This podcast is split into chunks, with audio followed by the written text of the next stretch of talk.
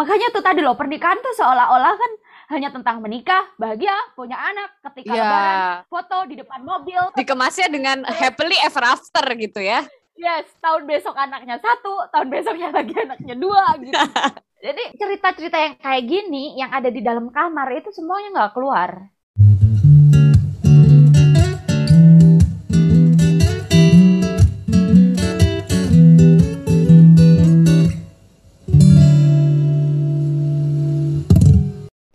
Relatif Perspektif Podcast adalah podcast yang bertujuan menjadi jembatan agar masyarakat luas paham akan isu kesehatan. Visi kami supaya kesehatan tidak lagi eksklusif hanya dibicarakan mereka yang menggeluti profesi sebagai tenaga medis saja. Episode baru akan terbit setiap hari Minggu. Temukan kami lebih jauh di Instagram dan Twitter @relativepers. Perkenalkan, saya Aji Mutiah Nur Azizah, seorang mahasiswa kedokteran dan pemerhati isu kesehatan yang akan memandu jalannya podcast kali ini. Dengarkan sampai selesai karena di setiap episode akan ada rekomendasi film dan buku dari kami.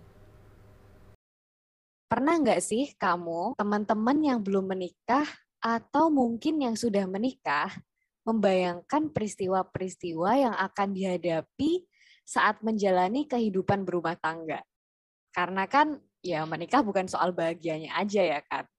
Perubahan peran yang awalnya kita hanyalah menjadi seorang individu dengan kewajiban dan hak atas diri kita sendiri bergeser dan bertambah menjadi seorang suami, istri, ataupun orang tua.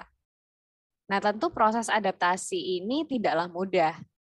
Belum lagi jika dihadapkan dengan berbagai permasalahan yang mungkin muncul Nah, seperti apa lika-liku yang mungkin dihadapi dan bagaimana cara kita menambah perspektif untuk mempersiapkan itu semua? Nah, kita kali ini akan berbincang dengan salah seorang public figure yang sering kali membahas isu kesetaraan gender, perempuan, dan beliau juga adalah seorang penulis perempuan. Siapa lagi kalau bukan Mbak Kalis Mardiasi? Kita sapa dulu ya. Halo Mbak Kalis. Halo, selamat pagi, siang, sore, malam. Iya. Gimana kabarnya Mbak Kalis hari ini, Mbak? Sehat, alhamdulillah. Alhamdulillah. Wah, jujur Mbak, ini saya deg-degan banget nih bisa ngobrol bersama dengan salah seorang perempuan yang sangat vokal di Indonesia. Aduh, aku juga sama deg-degannya. Oke, oke. Mbak, uh, ini nih kita mau ngobrol-ngobrol seru aja nih Mbak tentang pernikahan, terus kayak peristiwa-peristiwa yang terjadi kayak gitu. Mungkin uh, beberapa waktu lalu kita sempat dihebohkan ya Mbak dengan sebuah isu dalam pernikahan yaitu child free. Nah, hmm. ini kan salah satu bentuk konflik atau mungkin bisa dibilang juga keputusan ya dalam berumah tangga. Kalau dari sudut pandang Mbak Kalis nih, ngelihat isu ini dulu nih Mbak, sebenarnya tanggapan Mbak Kalis terhadap isu child free yang ramai sekali diperbincangkan di jagat media sosial tuh gimana sih Mbak? Oke, okay. kenapa child free ramai dibicarakan? Tentu saja karena ia menjadi sesuatu yang tidak umum di dalam konteks relasi atau topik-topik pernikahan gitu ya. Karena di dalam norma tradisional tentu saja kita lebih familiar terhadap orang-orang yang punya anak setelah menikah dibandingkan dengan yang tidak punya anak atau memilih secara sadar tidak punya anak gitu. Nah, sesuatu yang tidak biasa itu kemudian e, dianggap bertentangan dengan norma tradisional. Padahal kan tidak biasa, uncommon itu tidak selalu sama dengan bertentangan gitu dengan norma atau tidak selalu salah. Iya, setuju banget. Nah, yoi. Jadi ini child free rame gitu ya. Jangankan child free gitu. Sekarang yang lain-lain deh gitu. Perempuan belum menikah gitu misalnya umur 29, 30 tahun di kita aja masih rame, masih dianggap aneh gitu kan. Mm -hmm. Itu untuk pernikahan, apalagi untuk keputusan sadar untuk tidak memiliki anak gitu. Jadi karena orang-orang itu belum terbiasa sama isunya, akhirnya rame gitu. Nah, tetapi sebetulnya keramaian ini itu adalah hal yang menurutku bagus gitu. Sama seperti isu kesetaraan gender lain gitu ya. Ketika kita start about misalnya bullying aja gitu ya.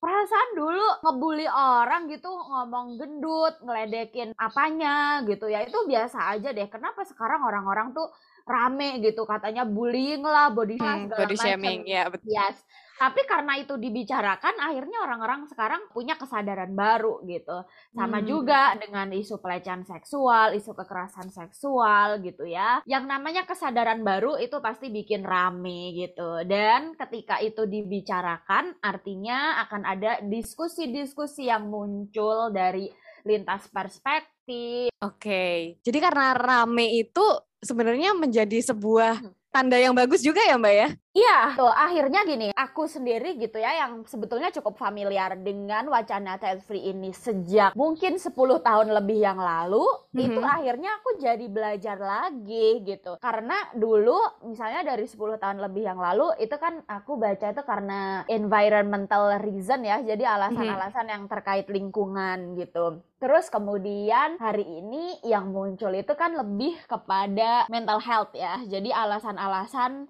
tentang kesehatan mental yang membuat uh, pasangan ya ini nggak hanya tentang perempuan sebetulnya jadi baik perempuan maupun pasangannya itu Hmm. laki-laki itu memutuskan secara sadar untuk child free gitu. Jadi sekarang isunya sehat mental. Tetapi setelah aku kemudian mempelajari lebih dalam gitu ya child free itu ternyata alasannya nggak hanya dua itu gitu. Hmm. jadi nggak hanya environmental reason, nggak hanya soal mental health, tapi juga ada misalnya isu trauma, kemudian physical concern yang membuat orang secara sadar bahwa ya saya memang tidak bisa punya anak dengan kondisi-kondisi fisik khusus dia gitu ya baik itu perempuannya maupun laki-lakinya gitu. Terus kemudian ada juga yang alasan finansial gitu. Kemudian ada juga yang alasannya philosophical. Jadi sebetulnya menarik gitu ya dan tentu saja seseorang yang memilih sesuatu secara sadar itu kan sebetulnya nggak perlu dikhawatirkan. Iya benar karena dikhawatir- mereka udah udah memutuskan gitu ya Mbak ya. Yes gitu. Maksudnya orang-orang yang punya pilihan secara sadar, punya kesadaran untuk memilih atau tidak melakukan sesuatu itu nggak perlu dikhawatirkan karena mereka Hmm. sadar gitu. Ada Betul, betul. ada spiritual process yang mereka jalani dan itu bukan sekali dua kali. Ini keputusan besar gitu. Hmm, Keputusan Yang- seumur hidup ya Mbak. Yes gitu, yang perlu dikhawatirkan sebetulnya kan orang-orang yang nggak pernah sadar untuk hal-hal yang lakukan dalam hidup gitu. Let's say kalau di Indonesia gitu ya, berapa banyak gitu, berapa juta orang yang menikah itu bahkan nggak sadar gitu. Lu ngapain menikah itu nggak sadar gitu loh. Yang karena ya udah gitu, dia taunya misal eh, lulus SMA teman-teman gue pada nikah gitu, lulus kuliah teman-teman gue pada nikah. Terus dia nggak sadar gitu pokoknya ya udah karena orang lain pada nikah gitu karena orang kalau udah sekolah udah kerja itu pada nikah ya akhirnya gue harus nikah. Taunya dia misalnya orang yang abis nikah itu lumrahnya gitu punya anak gitu kan. Lumrahnya itu itu kan sebuah kondisi yang tidak terukur gitu. That means dia sebetulnya juga "Eh, kamu ini mau apa ya giving birth gitu. Kamu melahirkan seorang anak manusia dengan alasan-alasan ya ya lumrahnya aja gitu. Sebetulnya kadang-kadang dia nggak sadar gitu. Nah nanti kalau kita bicara data sebetulnya lebih mengerikan lagi gitu ini, ini karena ini dibuktikan dengan data gitu di Indonesia sendiri 32 ribu loh kehamilan yang tidak diinginkan di Indonesia wow. dari rentang tahun 2011 sampai 2014 berarti per lima tahun ya per lima Hmm. tahun aja itu angkanya 30 ribu lebih kehamilan yang tidak, Tidak diinginkan. diinginkan. Ini kehamilan tidak diinginkan ini bukannya oleh orang-orang yang belum menikah gitu. Orang-orang yang sudah menikah. yang Jadi su- sudah seharusnya secara sadar mereka memilih untuk menikah gitu ya. yes gitu. Jadi jawaban-jawaban yang misalnya kebobolan gitu itu kan menyedihkan sebetulnya. Iya iya iya. gitu. Karena oke kalau kebobolan itu kayak akhirnya diketawain gitu ya. Kayak dianggapnya ih lucu banget gitu ya. Tapi kan itu bukan situasi yang lucu, belum lagi ngomongin yang lain-lain gitu loh. Jadi gitu, yang sadar gitu. Lu mau ngelahirin seorang anak manusia tapi lu nggak sadar, itu khawatirin yang itu bukannya orang-orang yang sudah sadar akan keputusan-keputusan yang dia ambil dalam hidupnya gitu. Yang dia sudah memperhitungkan resiko dan tanggung jawabnya sendiri gitu. Oke, ini satu perspektif yang menarik nih. Jadi justru orang-orang yang mungkin secara tidak sadar kayak ya udah ngikutin alur aja habis nikah gue punya anak gitu kan itu justru Hmm. perlu dikhawatirkan juga gitu ya apakah mereka benar-benar sudah siap begitukah untuk mengambil keputusan itu gitu ya Iya gitu. Jadi tadi dari data tadi itu 17 loh dari 100 orang yang Mhm. melahirkan. Kalau ditanya kenapa kamu hamil gitu, kenapa kamu melahirkan, itu dia nggak punya jawabannya. 17 dari 100. Bayangin Oh. dan itu nggak banget. sedikit Itu Indonesia itu satu yang tertinggi di Asia Oke, gitu. kita sering kali memang menempati klasemen tertinggi ya Mbak kalau masalah data-data seperti itu. Sedih sedih banget. Kita belum ngomongin berapa persen dari angka itu yang menyumbang ke angka kematian ibu. Dan Kita angka kematian ibu juga. dan angka kematian bayi di Indonesia juga masih cukup tinggi ya Mbak ya kalau misalkan kita lihat dari eh, segi data itu gitu. One of the highest rank in the world. Hmm, oke. Nah, ini tadi kita masih ngomongin child free doang ya. Terus kalau misalkan kita ngelihat nih Mbak dalam eh, rumah tangga itu kan sebenarnya konflik dan keputusan dalam berumah tangga itu akan sangat luas sekali ya konflik yang akan dihadapi. gitu. Nah, biasanya nih Mbak, kenapa That's sih right. bisa terjadi konflik dalam rumah tangga? Apakah proses adaptasi dan kesiapan seseorang itu akan menjadi peran yang penting gitu dalam pernikahan? Ini sebetulnya pertanyaan yang cukup triggering buat saya. Mana tuh Mbak? Saya hampir dua tahun ya menikah, eh, satu setengah tahun jalan mau dua tahun. Saya merasa cukup berpendidikan dan saya nggak hanya cukup berpendidikan, tetapi saya secara sadar saya tuh belajar loh sebelum menikah tuh saya belajar. Bahkan saya itu penulis bukunya Kementerian Agama yang judulnya Fondasi Keluarga Sakinah. Kalau kalian daftar kah di KUA terus kalian dapat buku yang judulnya Fondasi Keluarga Sakinah tuh gue ikut nulis. Dan buku itu dibagiin ke calon pengantin yang mau dapat bimbingan eh, bimbin calon pengantin itu ya oleh petugas KUA jadi secara sadar saya melalui semua proses pembelajaran sebelum menikah. Dan surprise-nya, saya merasa pernikahan itu ya sesuatu yang berat. Dan panjang ya. Jadi gini, how to deal with this relationship. Jadi Mhm. gini, saya aja merasa cukup berpendidikan dan secara percaya diri menyatakan diri saya cukup intelektual, katakanlah gitu. Mhm. Itu aja mengalami hal-hal yang tidak terduga yang membuat saya bisa berpikir gini, gila ya gimana bisa anak-anak yang SMP udah pada nikah gitu kan, terus SMA udah pada nikah gitu loh. Yang bahkan yang ya kalau kita lebih sedih lagi orang yang mengalami pemaksaan perkawinan gitu. Atau yang lebih sedih lagi misalnya korban kekerasan seksual yang dipaksa menikah dengan pelaku kekerasan seksual gitu.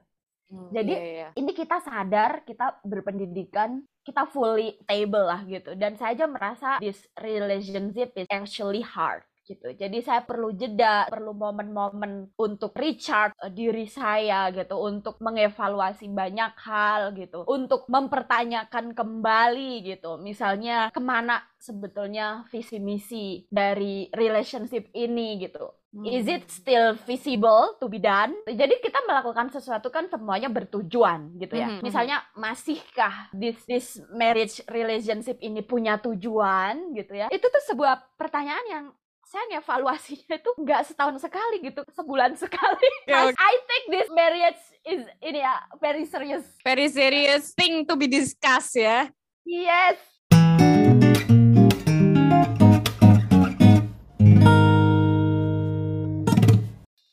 Kalau misalkan dari Mbak Kalis sendiri nih selama mungkin ya dari pengalaman Mbak Kalis, terus juga dari ilmu-ilmu yang sudah Mbak Kalis dapatkan gitu ya. Nah itu biasanya konflik-konflik tuh munculnya karena apa sih Mbak sebenarnya dasarnya itu? Apakah karena seseorang faktor karena nggak siap aja atau karena memang dia itu proses adaptasi yang harus dijalani atau kayak gimana Mbak? Wah, kalau ngomongin pernikahan kan kita berbagi ruang privat dengan yang sebelumnya asing gitu. Hmm. Eh, jadi kalau berbagi ruang sosial atau berbagi ruang publik itu lebih mudah. Tetapi kita hari ini berbagi ruang privat gitu ya.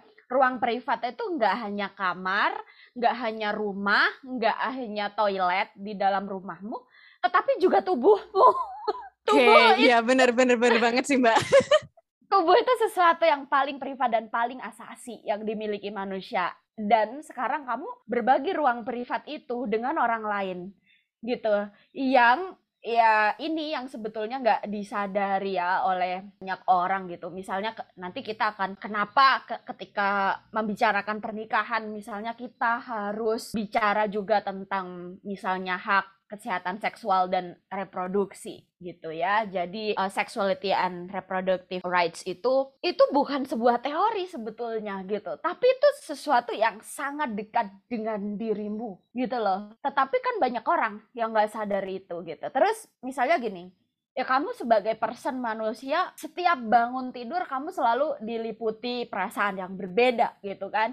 Entah itu uh, kamu bisa terbangun dengan bahagia hari itu kamu bisa terbangun dengan perasaan sedih hari itu kamu bisa terbangun dengan perasaan kebingungan hari itu kamu bisa terbangun dengan perasaan cemas dan terbangun dengan perasaan marah mis. Itu kan sesuatu yang sangat privat tapi sekarang kamu harus berbagi dirimu dengan orang lain gitu ya. Dan ketika kamu membagi dirimu itu kamu harus memaksa perasaanmu itu untuk postnya tuh kan keperasaan bahagia gitu karena hmm. kamu nggak kamu nggak mungkin kan sama pasanganmu kamu projecting perasaanmu yang sedih yang cemas yang bingung kayak gitu Yeah. Padahal kamu punya perasaan itu. Nah, dia sendiri punya gitu. Misalnya pasanganmu gitu ya. Jadi pasanganmu lagi capek, lagi marah, lagi stress out karena kerjaan. Misalnya laki gue dulu pas di kantor sebelumnya gitu ya. Dan ya aku sebagai pasangan kayak kita itu dipaksa untuk kalau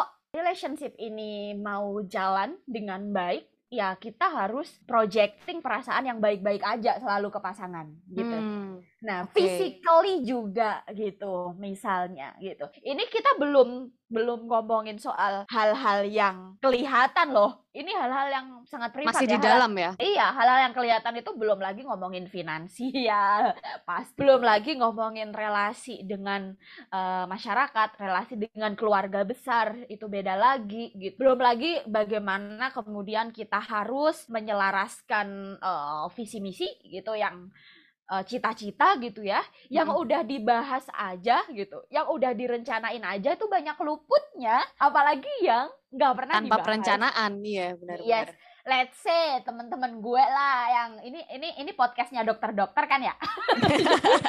Jadi let's say lah perempuan-perempuan yang dulu sekolah kedokteran pasti semuanya cita-cita dokter spesialis. Tapi abis kawin sama dokter laki yang spesialis duluan ya lakinya. Oh nggak mau itu jadi uh, menurunkan menurunkan ego itu gitu ya Mbak? iya, jadi terus ada misalnya aku udah punya anak gitu, terus anaknya uh, pas pas masih masih hamil katakanlah yang dokter perempuan ini masih lah praktek di klinik masih punya surat izin praktek. Eh ketika bayinya lahir kemudian jadi toddler aduh ternyata nggak bisa. Ya udah deh surat izin prakteknya nggak usah diperpanjang. Ini akan ada proses-proses seperti itu ya mbak di mana kita mau nggak mau membagi hal-hal privat itu tadi sampai akhirnya juga hal-hal yang bersifat sosial dan interaktif hmm. dengan orang lain itu juga akan terpengaruh gitu ya ketika kita menikah begitu. Betul. Dan setiap persimpangan keputusan itu itu tuh membutuhkan energi. Betul sih. Even kita memilih uh, baju aja kan kadang butuh energi ya. Yes, apalagi untuk mengambil keputusan yang nggak hanya nggak ada keputusan yang sederhana dalam hidup. Setiap mm -hmm. keputusan setiap masalah itu berharga gitu loh. Jadi uh, this relation demanding banget guys. Gitu Oke, oke, menarik nih. Jadi kalau boleh saya bilang nih ya, proses adaptasi dan persiapan individu sebelum menikah itu sangat penting dan juga perencanaan dari eh, tiap-tiap uh, individu itu untuk menjadi dua insan yang menjadi satu ini sangat penting gitu ya. Mungkin boleh sedikit bocoran kali ya Mbak ya untuk orang eh, orang-orang yang sudah menikah ataupun yang akan menikah gitu. Itu hal-hal apa aja sih yang harus dipersiapkan gitu ya selain dari segi fisik, apakah ada segi psikologis khusus atau segi yang lain yang harus dipersiapkan gitu? Ya fisik itu pasti gitu ya. Uh, sebetulnya kita punya peraturan yang jelas soal itu. Kalau kamu nurut gitu, itu kan ada pemeriksaan fisik tuh sebelum pernikahan ya. Hmm. Ada cek darah, ada cek resus, ada cek-cek kondisi tubuh yang lain gitu, baik itu untuk ke perempuannya maupun untuk laki-lakinya gitu. Karena mm, sebetulnya nggak usah jauh-jauh ngomongin soal rencana kehamilan atau rencana punya anak gitu. Tapi ya kamu mau hidup nih barengan gitu ya sama orang asing gitu. Ya ibaratnya kamu punya hewan peliharaan aja kamu cek dia bersih apa kagak apa? Masa kamu mau? Tinggal dengan orang yang tidak dicek dulu gitu ya? Iya itu kan serem loh. Oke Uh, oke. uh, uh, terus uh, macam-macam ya pengetahuan. Walaupun pengetahuan ini bersifat dinamis sih. Aku nggak nanti aku disalahin ah ini podcast nakut-nakutin Enggak kan ada kampanye-kampanye yang mengampanyekan untuk segera menikah. Kita nih ngajakin orang biar mikir nih Mbak. Jadi enggak keputusan menikah itu bukan suatu hal yang apa ya istilahnya kayak bahagianya aja. Ini kita lagi pengen menggali bahwa ternyata banyak sekali loh eh, hal-hal kompleks yang harus kita pikirkan juga gitu sih Mbak. Ini enggak bukan untuk nakut-nakutin. pengetahuan itu walaupun dinamis ya uh, maksudnya ada pengetahuan yang saya pelajari sebelum menikah gitu Hmm. Eh, banyak banget itu misalnya kayak tahap-tahap itu tuh tahap-tahap menyatunya pasangan. Misalnya 0, 0 hari sampai 2 tahun itu tantangannya itu apa saja gitu. Terus tiga eh, tahun ketiga sampai tahun kelima terus tahun kelima sampai tahun 10 tahun 10 sampai 15 kayak gitu gitu itu kan Mhm. sebetulnya ada teorinya dan itu asik banget gitu. Jadi ketika misalnya oh kok kondisi pernikahanku di dua tahun pertama ini banyak jungkir baliknya. Itu sebetulnya apa yang terjadi dan sebagainya. Itu tuh udah banyak sebetulnya ya dibahas oleh eh, psikolog-psikolog keluarga. Terus kalau pengetahuan yang dinamis itu sebetulnya banyak juga hal-hal yang mengejutkan ya setelah terjadi pernikahan. Hmm. yang walaupun kita udah belajar kita tetap kaget gitu. Misalnya kalau yang terjadi di aku itu perubahan hormon setelah menikah yang lumayan seru juga ya lumayan seru juga. Jadi aku termasuk headku itu dulu sangat teratur Mhm. setelah menikah itu enam bulan pertama tiba-tiba head saya tidak teratur dan itu tentu saja berpengaruh kepada tubuh saya sakit semua dan segala macem gitu. Terus saya juga pernah mengalami peradangan payudara. Nice. terus temen-temen itu ada yang found out bahwa mereka vaginismus itu kan setelah menikah ya. Jadi Mhm. ke- kelainan fungsi vagina yang nggak bisa dipenetrasi itu. Dan itu gila sih gimana mereka harus bertahan itu struggling banget. Jadi apa ya yang udah persiapan aja struggling apalagi yang nggak persiapan gitu. Terus ada yang misalnya PCOS gitu-gitu. Itu hal-hal yang punya efek gitu loh. Jadi siap enggak gitu? Karena itu efeknya kan macam-macam ya. Psikis gitu ke fisik gitu. Dan gini fakta bahwa laki-laki tidak mengalami kondisi-kondisi khusus atau pengalaman khas perempuan itu itu yang bikin sulit gitu. Kalau sedari awal laki-laki itu tidak punya pengetahuan bahwa tubuh perempuan secara biologi itu berbeda dengan kamu Mm-mm. itu akan susah. Dia pasti nggak akan ngerti gitu. Oke, akan susah ditoleransi bagi dia gitu ya. dia nggak akan ngerti gitu. Mhm. dia taunya proses reproduksi laki-laki tuh kan nyebelin banget. Cuma cuma 5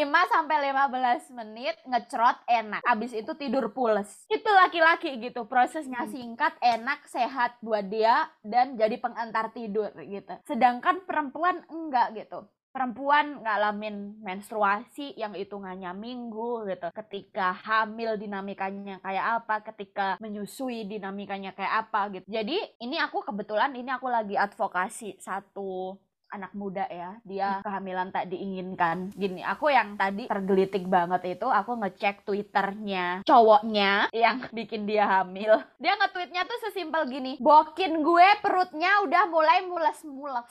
Sebelum itu dia nge-tweetnya pembukaan satu gitu Hmm. tetapi yang dialamin oleh perempuannya kontraksi, ketakutan, kesakitan yang nyata gitu. Terus dia berbelas-belas jam untuk kemudian ya yang dia tweetkan dalam satu tweet bokin gue udah mulai mules-mules itu kan sialan cuy. Ngerti nggak yang aku masuk? Kebetulan aku kan advocate si ceweknya. Ya biasa ya ketololan remaja gitu. Dia nggak punya duit jadi mereka dependent juga ke aku untuk mencarikan bantuan gitu ad advocates finansialnya terus si ceweknya itu struggling banget gitu loh berbulan-bulan dengan kondisi mental dia uh, ketakutannya. Itu tiap hari aku di WA gitu. Bahkan ketika hmm. dari dua hari lalu misalnya dia udah mulai apa muncul bercak lendir untuk tanda-tanda ke, ke pembukaan satu itu gimana dia apa namanya ketakutannya mulai muncul kesakitannya dan sebagainya. Itu kan aku mantau gitu loh. Karena si ceweknya ini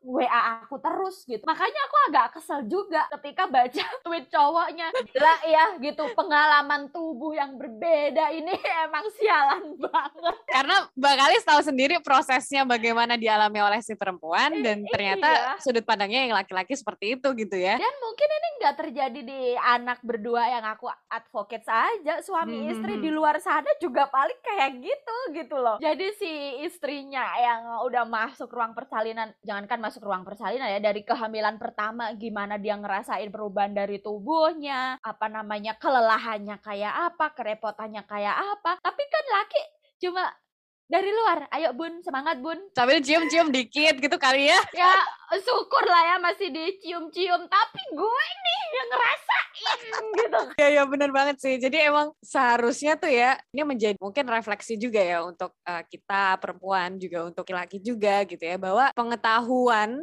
terkait pernikahan dan juga hal-hal yang nantinya akan terjadi setelah menikah itu perlu banget kita upgrade dulu nih kita persiapkan dulu sebelum menikah. Nggak bisa kayak oh ya udah gue mau nikah terus ya udah cabut aja gitu. Yang penting menurut saya saya saat ini sudah sudah matang sudah berusia sudah selesai pendidikan maka ya udah menikah aja gitu. Padahal tadi eh, menurut cerita-cerita yang disampaikan oleh Mbak Kalis karena kita sudah menikah pastinya sudah seksuali aktif juga kan ya Mbak ya. Yes. Jadinya pasti akan ada perubahan-perubahan itu dalam tubuh seseorang gitu. Jadi mau tidak mau kita juga harus belajar tentang kesehatan seksual dan kesehatan reproduksi itu. Dan yang sedih, perempuan ini kan dididik untuk tidak membicarakan hal-hal terkait seksualitasnya. Jadi terkesan tabu ya? Yes, apa yang terkait tubuhnya itu nggak boleh keluar rumah gitu. Misalnya ketika ada temenku gitu ya, dia tinggal di kepulauan yang lumayan unik, inisialnya M di Jawa Timur sana. Dia waktu itu vaginanya infeksi ya, vagi, hmm. sampai bernanah gitu. Terus dia pergi ke dokter puskesmas. Dokter puskesmasnya ngeresponsnya gini, Mbak pasti bukan orang asli sini ya, gitu. Kok gitu dok? Gitu. Karena orang asli sini nggak ada yang mengakses layanan Cash Pro, apalagi untuk keluhan-keluhan yang semacam ini. Jadi wow. hal ini kan menarik ya. Jadi hal-hal terkait yaitu ya vagina dia bermasalah gitu. Itu bagi mereka itu adalah aib. Itu adalah sesuatu yang harus disembunyikan gitu karena ya ngapain gitu ya kayak itu aib gitu. Itu artinya ada yang bermasalah dengan aktivitas seksual dan sebagainya gitu. Padahal kan orang punya kesadaran untuk memeriksakan diri itu bagus gitu. Nah di luar sana tuh masih banyak yang kayak gitu. Atau misalnya untuk mendiskusikan bahwa perempuan punya hak misalnya untuk menolak aktivitas seksual ketika ya tubuhnya sakit gitu. Kadang-kadang gini ya, penolakan terhadap aktivitas seksual itu kan coba didefinisikan ah males, ah gimana gitu. Padahal gila banyak ya aku salah satu kasus yang aku dengar dari temanku itu uh, temanku mengalami ini sedih banget. Jadi dia infeksi saluran kencing dan karena dia di budaya ya tadi ya yang menganggap membicarakan seksualitas dan tubuh perempuan itu adalah hal yang tabu. Dia tidak memeriksakan diri selama setahun dan gara-gara nggak memeriksakan diri itu sekarang penyakitnya udah sampai ke lambung, udah sampai ke ginjal, udah sampai nanah, hmm. darah segala macam. Berawal dari infeksi saluran kemih aja ya yang akhirnya infeksi saluran kencing dan yang nularin itu cowoknya, tuh ya pasangannya yang sebelum menikah nggak bersih seksnya. Dan itu nggak pernah disampaikan. Itu ya, jadi sebenarnya kita perlu membahas apa ya, proses ini tuh bottom up gitu. Jadi kayak nggak bisa kita ngelihat permasalahannya aja, tapi justru akarnya ini adalah edukasi terkait kesehatan seksual dan reproduksi yang mungkin itu menjadi satu permasalahan besar yang akhirnya sekarang jadi gunung es gitu yang kelihatan cuman ujungnya aja nih. Padahal di bawah sana ternyata orang-orang tuh masih sangat belum paham gitu tentang kesehatan seksual dan reproduksi gitu kali ya Mbak ya. Sebetulnya yang sedih adalah walaupun yang bawa penyakit itu penis, penyakit itu masuknya ke vagina gitu loh. Tapi Terus- sebaliknya juga perempuan yang mengalami itu itu juga bisa menularkan kepada yang laki-laki juga kan ya, Mbak? Yes, Hmm, gitu. Jadi ini tentang dua tubuh yang mau hidup bareng gitu loh. Kita ngomongin soal ini gitu. Hmm. Orang kan makanya tuh tadi loh pernikahan tuh seolah-olah kan hanya tentang menikah, bahagia, punya anak, ketika Iya. lebaran, foto di depan mobil. Dikemasnya dengan happily ever after gitu ya. Yes, tahun besok anaknya satu, tahun besoknya lagi anaknya dua gitu. Jadi cerita-cerita yang kayak gini yang ada di dalam kamar itu semuanya nggak keluar. Karena ternyata memang ya hal-hal ini bersifat confidential gitu ya, tapi kita ketahui gitu bahwa ternyata menikah itu memang ya melibatkan dua orang yang ternyata juga permasalahannya juga sangat rumit, permasalahan yang mungkin dihadapi juga akan bermacam-macam dan peristiwa-peristiwa mengejutkan itu tadi yang kita kayak gak nyangka-nyangka sebelumnya tapi bisa aja terjadi gitu pada semua orang gitu kan.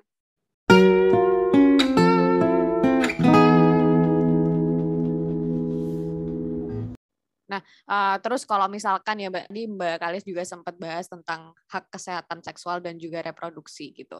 Nah hak ini tuh sebenarnya apa aja sih Mbak dan gimana menurut sudut pandang Mbak Kalis terhadap prakteknya di Indonesia saat ini gitu?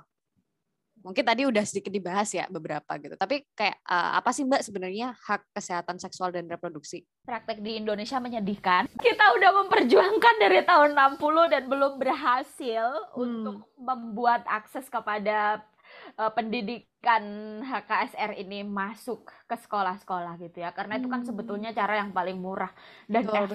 efektif. Tetapi kita I don't know gitu ya, udah puluhan tahun dan nggak berhasil dengan alasan yang itu-itu saja gitu. Nah, HKSR itu kan hak ya seperti namanya gitu, bahwa yang namanya seksualitas dan yang namanya reproduktif kita itu harus sehat dan sejahtera bahkan ya. Jadi Betul. Yes, dan itu nggak hanya terkait dengan fisik, tetapi di dalamnya itu juga terkait dengan psikis, terkait dengan relasi sosial, jadi sebetulnya macam-macam. Dan yang namanya CSE atau Comprehensive Sexuality Education itu kan udah ada kurikulumnya sebetulnya dari pendidikan anak usia dini sampai di orang yang udah dewasa gitu. Tetapi sayangnya sebagian besar orang-orang itu bertumbuh tanpa bekal itu. Aku termasuk orang yang bertumbuh tanpa bekal HKSR. Dari kecil aku nggak nggak pernah dapat fungsi-fungsi itu gitu bahkan aku menjalani mens juga gitu ya yang itu menandai awalku menjadi manusia dewasa ya dengan tanpa edukasi dari orang tuaku gitu. Dan seterusnya sih ya. Jadi mulai dari kecil aja misalnya seorang anak ha- ha- punya hak untuk tahu bahwa tubuhmu adalah milikmu, nggak boleh ada orang lain yang boleh seenak-enaknya megang dan sebagainya gitu. Terus untuk menyebut alat kelamin sebagai namanya gitu, penis itu vagina fungsinya untuk apa gitu misalnya. Itu kan tidak pernah dijelaskan gitu. Terus sebetulnya terkait dengan ya HKSR tentu saja nggak bisa teori aja ya karena faktor pendukungnya juga banyak gitu. Ketika kita bicara soal kesehatan seksual dan reproduksi, otomatis kita bicara soal fasilitas-fasilitas penunjangnya gitu. Misalnya ya ketersediaan kamar mandi yang higienis dan aman di dalam rumah tiga kamar mandi 40 dengan tiga kamar mandi. Kebayang nggak gimana anak-anak perempuan remaja, ibu-ibu hamilnya, ibu-ibu yang punya newborn baby itu perjuangannya kayak apa? Gimana kita mau talking about hak kesehatan seksual dan reproduktif gitu? Kamar mandi sama toilet aja nggak ada, nggak bisa juga ya. gitu. Jadi ini it's really a big issue sebetulnya. Dan terbahas misalnya kalau di rural area kayak di India itu kan dibahas terus ya. Bahkan kayak film-film eh, UN Body yang dia toilet ekran kata gitu yang dibintangi Akshay Kumar itu kan dia ngomongin nih isu toilet ini tuh ya. Terus sama isu menstruasi juga dia ngomongin kan yang judulnya kalau di dokumenter di YouTube-nya tuh periods end of time. Tapi di Indonesia kayaknya nggak nggak banyak. Apakah misalnya kita terlalu percaya diri bahwa tahu udah cukup baik soal itu HKSR tuh sesuatu yang ya harusnya nggak rumit gitu. Tetapi kalau ngelihat kondisi itu kan jadi rumit banget. Mm-mm, ngelihat prakteknya di Indonesia jadi rumit ya. Ya, Oke, jadi sebenarnya nggak cuman dari edukasinya itu saja, tapi juga bagaimana fasilitas itu memenuhi hak-hak ini itu juga menjadi sebuah concern yang harus kita ingat juga dan harus kita perhatikan juga gitu. Yes, karena sebetulnya teori apa pun gitu, perubahan sosial apa pun itu akan selalu kepentok privilege. Hmm. Yang paling rentan adalah mereka yang miskin, mereka yang marginal gitu. Iya, dan tentunya hal-hal tersebut itu juga akan mempengaruhi kondisi psikologis seseorang. Kalau misalkan rumah tangga juga mempengaruhi keharmonisan rumah tangga gitu nggak sih Mbak? Iya banget lah. Totally ngefek banget ya. Batas. Ruang-ruang privat itu ya. Iya, bayangin gak sih tadi oh, anak-anak remaja yang di rumah petak itu ketika ya dia lagi puber gitu ya, ibaratnya dia perasaannya tuh lagi lagi berbunga-bunga, itu berbunga-bunga banget, sedih-sedih banget gitu. Tetapi dia harus otomatis ya itu tadi mengenolkan perasaannya karena dia berbagi ruang dengan banyak sekali orang. Jadi rumah tangga itu nggak cuman kalau misalkan kita ngomongin hak kesehatan seksual dan reproduksi bukan hanya pasangannya saja tapi juga anak-anak mereka juga menjadi komponen penting juga gitu banget. Oke. Wah, ini obrolan yang membuat saya berpikir logis gitu ya bahwa ternyata hak kesehatan seksual dan reproduksi itu sangatlah penting dan sangat fundamental. Kemudian bahwa pernikahan itu adalah hal yang kompleks dan proses adaptasi seumur hidup yang panjang ya. Bahkan Mbak Kalis masih new starters juga ya, Mbak? New starters dan murid sekolah dasar deh kalau pernikahan ini. Akan banyak sekali peristiwa yang kita hadapi gitu ketika mungkin kita nantinya akan menikah dan mungkin teman-teman yang sudah menikah di luar sana. Dan mungkin juga mengejutkan juga bagi kita dalam pernikahan itu. Nah, sekarang saya ingin tanya nih ke Mbak Kalis sekiranya jika Mbak Kalis bisa menyampaikan pesan pada orang-orang di luar sana untuk lebih mempersiapkan diri dalam pernikahan, apa yang akan Mbak Kalis sampaikan, Mbak? Temukan dirimu dulu sebelum kamu berusaha menemukan orang lain buat kamu ajak berpasangan. Aduh, filosofis gitu kenali dirimu sendiri kamu maunya apa gitu tujuan hidup kamu apa gitu terus hal-hal yang kamu nggak suka apa hal-hal yang bikin kamu suka apa hal-hal yang kamu sensitif apa dan sebagainya gitu. Karena ya kalau kamu nggak bisa mengelola dirimu dan nantinya kamu akan mengelola itu dengan orang lain gitu ya ya itu akan bisa jadi ya orang lain akan jadi toksik buat kamu atau kamu juga akan jadi toksik buat orang lain karena kamu nggak hmm. nggak selesai dengan belum punya bekal yang lengkap ya? Yes gitu. Jadi masalah-masalah yang baru yang surprise di dalam pernikahan itu gini masalah-masalah yang nggak dicari pernikahan lu nggak nyari masalah aja masih datang sendiri. Siapa juga yang nyari masalah dalam hidup ya kan mbak? Jadi masalah-masalah yang di pernikahan itu nggak lu cari aja ntar datang sendiri. Apalagi kalau lu nyari-nyari masalahnya karena okay. dari awal kamu nggak siap gitu loh nggak siap secara fisik nggak siap mentally eh, nggak siap emotionally segala macem gitu oke okay. Jadi mempersiapkan bekal dan menemukan diri sendiri itu adalah dua hal penting yang bisa kita highlight dari pesan Mbak Kalis terkait pernikahan gitu ya teman-teman. Oke, dari pesan Mbak Kalis tadi kita akhirnya berada di sesi akhir diskusi kita nih Mbak. Aduh, sayang banget sebenarnya. Dan di setiap episode kita selalu meminta rekomendasi film dan juga buku untuk teman-teman pendengar. Dari Mbak Kalis nih, ada nggak sih Mbak rekomendasi film dan juga buku untuk teman-teman pendengar?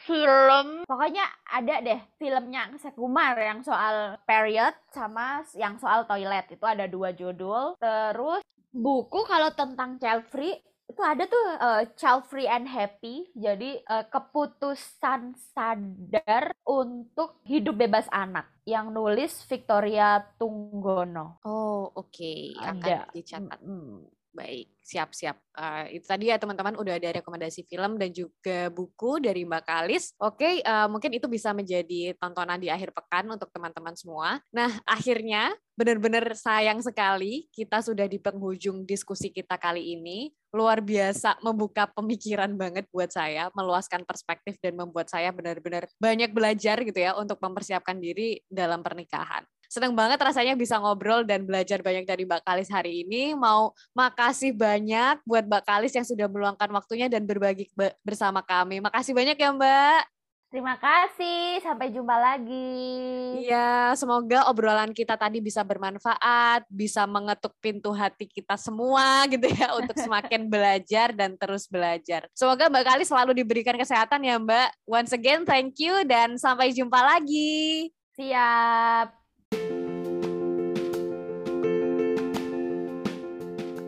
Jangan lupa, kalau kalian suka dengan episode podcast ini, follow podcast kami dan share ke teman-teman kalian yang lain, supaya mereka juga bisa mendapatkan manfaat seperti yang kalian juga dapatkan. Jangan lupa juga untuk follow Twitter dan Instagram kami di @relativepers. Di sana kalian akan mendapatkan banyak informasi kesehatan dan untuk update tentang podcast serta artikel terbaru kami. Sampai ketemu di episode berikutnya. Bye.